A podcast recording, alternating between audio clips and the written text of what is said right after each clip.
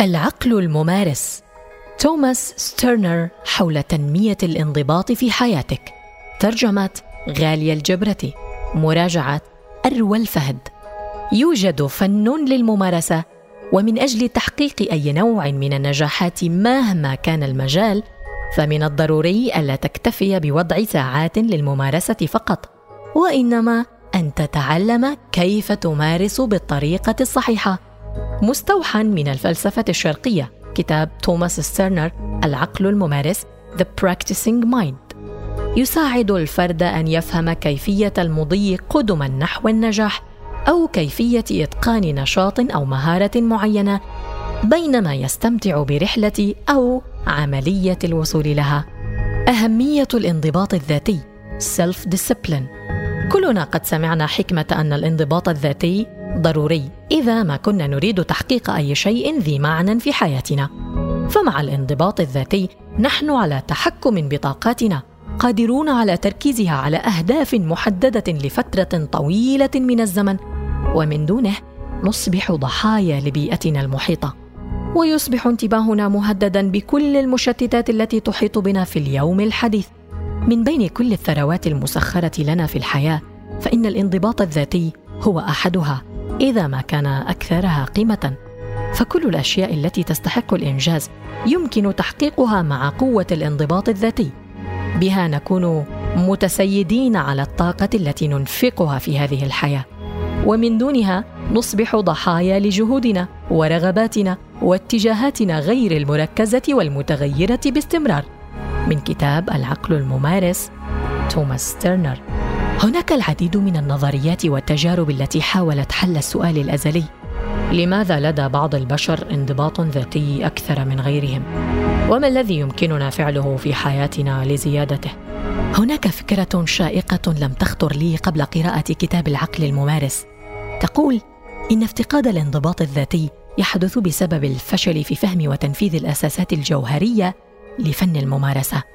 اذا ما فن الممارسة وأين نخطئ حين نحاول تعلم أو إتقان أي شيء جديد؟ فن الممارسة. هل ركزت كل جهدك على نشاط معين حتى أصبح لديك دافع فائق لأن تصبح ماهرا فيه؟ وبعد هذه الحماسة الابتدائية هل جربت أن يتضاءل حماسك مع مرور الأسابيع والشهور حتى تتخلى عن النشاط بالكامل؟ هذا شيء عانينا منه كلنا مرات عديدة طوال حياتنا. إذ تلتزم بشيء ما فتشعر بالحماسة وتعقد العزم على ممارسة سين عدد من المرات خلال الأسبوع. ولكنك تتوقف عن الممارسة بعد أسابيع أو أشهر قليلة. ما هو أصل هذا الداء العالمي الذي يصيبنا كلنا؟ والذي يمنعنا من تحقيق إتقان ماهر وتجربة متعة أن تصبح جيدا في شيء ما.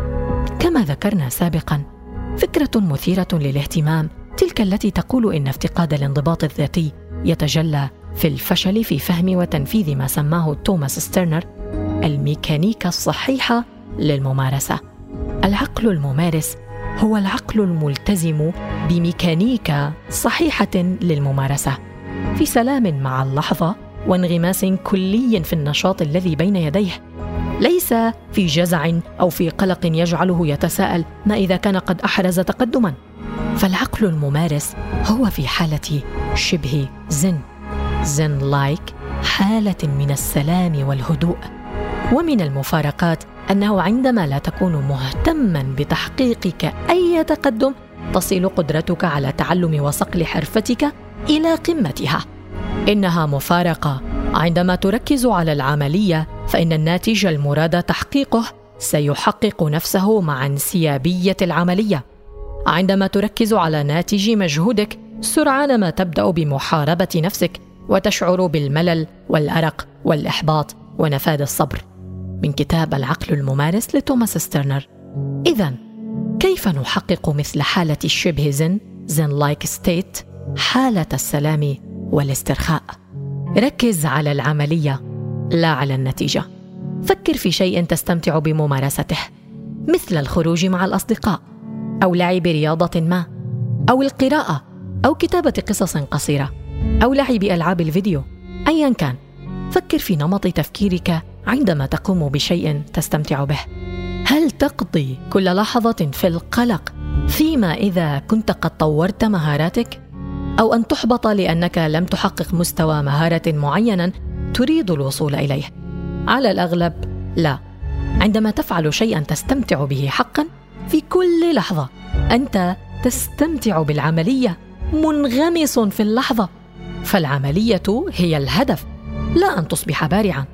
ومثل ما أشار ستيرنر من المفارقات عندما نجعل العملية هي الهدف ستقوم النتيجة النهائية بتحقيق نفسها. قارن هذا مع السلوك الذي نتخذه في كثير من الأحيان عندما نحاول تعلم مهارة جديدة لم نحبها بعد. نقوم بجعل النتيجة النهائية هي الهدف. نتخيل أنفسنا كخبراء في المستقبل وحتى نصل إلى هذه النقطة نصبح غير راضين. وكذلك عندما نمارس فإننا نتوتر عند كل خطأ صغير حيث نصبح قساة على أنفسنا. ونقضي وقتا ثمينا نتساءل بقلق عما إذا كنا سنحقق هدفنا النهائي. فعندما نركز على الناتج لا ياتي معه الشك والقلق والإحباط. في كل لحظه من كفاحك وبالنظر لهدفك ومراقبة موضعك بالنسبة له فأنت تؤكد لنفسك بأنك لم تحققه. ما عليك سوى أن تعرف نفسك بالهدف بين حين وآخر. وأن تستخدمه كموجة يبقيك نحو الاتجاه الصحيح. التركيز على العملية يسهل تحقيق الأهداف الكبيرة. لنقل إنك تريد أن تبدأ عملا ولكنك لا تملك المهارات المطلوبة أو معرفة كيف أن تكون ناجحا. فإذا وضعت الكثير من طاقتك وركزت على تحقيق عمل مربح فإنه سيصعب تسخير حافزك كل يوم لكي تتعلم المهارات المطلوبة للنجاح وعندما ترى نفسك تتحرك نحو هدفك ببطء. لكن عندما تركز على عملية تعلم المهارات المطلوبة لبدء عمل ناجح وجعل العملية هي الهدف سيكون أسهل بكثير بذل الوقت والجهد المطلوب لبدء عمل مربح حيث ستستمتع بكل يوم حتى وإن بدا ظاهرا عدم إحراز أي تقدم. ستكون في سلام مع العملية وستتعلم فن الممارسة. عندما تترك التعلق بالهدف الذي ترغب به وتجعل رغبتك هي الاستمرار في التركيز على العمل نحو هدفك فأنت تحقق رغبتك في كل دقيقة وتكون صبورا مع الظروف المحيطة حيث لا يوجد أي سبب ألا تكون كذلك. لا يوجد أي جهد لمحاولة التحلي بالصبر هنا. إنها مجرد استجابة طبيعية لمنظورك. وهذه الإزاحة في المنظور صغيرة جدا ودقيقة ولكن لها قوة تحرير هائلة. فلا يوجد أي هدف يصعب القيام به.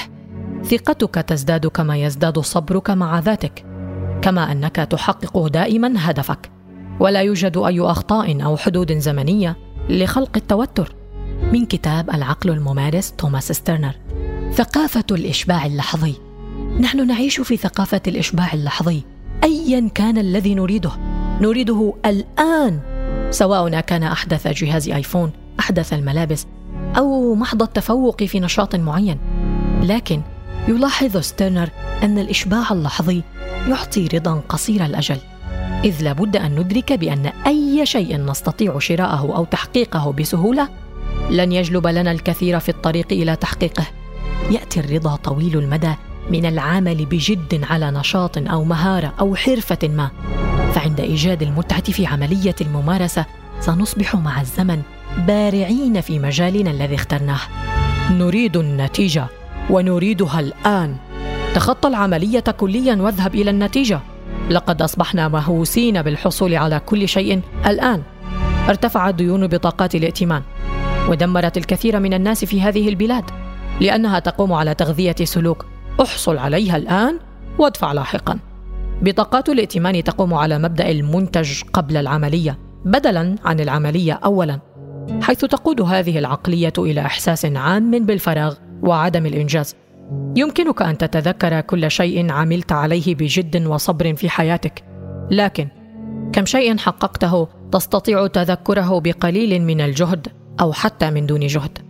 عندما نركز طاقتنا على عملية تحقيق شيء ما سواء كان شيئا أو مهارة معينة ونحققه من خلال الانضباط والصبر. سنشعر بمتعة لا نشعر بها عندما يأتي الشيء بسرعة وسهولة. في الحقيقة عندما نتذكر أي شيء كنا نحاول الحصول عليه فإن العملية هي التي تتبادر إلى أذهاننا وليس الهدف ذاته. نتذكر التحكم بطبيعتنا غير المنضبطة الصبر والمثابرة اللذين وصلنا إليهم السعادة والرضا. اللذين شعرنا بهما بعد ذلك. من كتاب العقل الممارس لتوماس تيرنر. نفاذ الصبر علامة على أنك لا تركز على العملية. من المعايير الجيدة لقياس ما إذا كنت تركز على العملية أو على النتيجة النهائية أن تدرك مستوى نفاذ الصبر لديك. إذا كنت تشعر بالصبر وفي سلام مع اللحظة فأنت تركز على العملية. إذا كنت تشعر بالقلق ونفاذ الصبر فأنت في كل الاحتمالات تركز على الهدف النهائي. الشعور بنفاذ الصبر هو أحد أول الأعراض لعدم العيش في اللحظة. لا تعمل ما تقوم بعمله لا تبقى مركزا على العملية. تطبيق الفكرة. إن كتاب العقل الممارس سيكون قراءة عظيمة لأي فرد يريد أن يصقل مهارته في نشاط أو حرفة ما. إذ إنه يشارك الأفكار القابلة للتطبيق على أرض الواقع والتي يمكنك أن تضمها لحياتك لتساعدك على إتقان فن الممارسة. باختصار ينصب الأمر على القليل من القواعد البسيطة. ابق نفسك مركزا نحو تحقيق العملية. ابق في الحاضر واجعل العملية هي الهدف. أما الهدف العام فانظر له كموجه يوجه جهودك. كن مدركا. ولديك الدراية بما تريد تحقيقه وعلى وعي كامل بهذه العزيمة.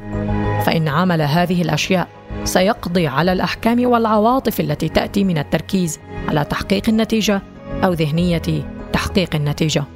مقتبس من كتاب العقل الممارس توماس ستيرنر المصطلحات العقل الممارس The Practicing Mind.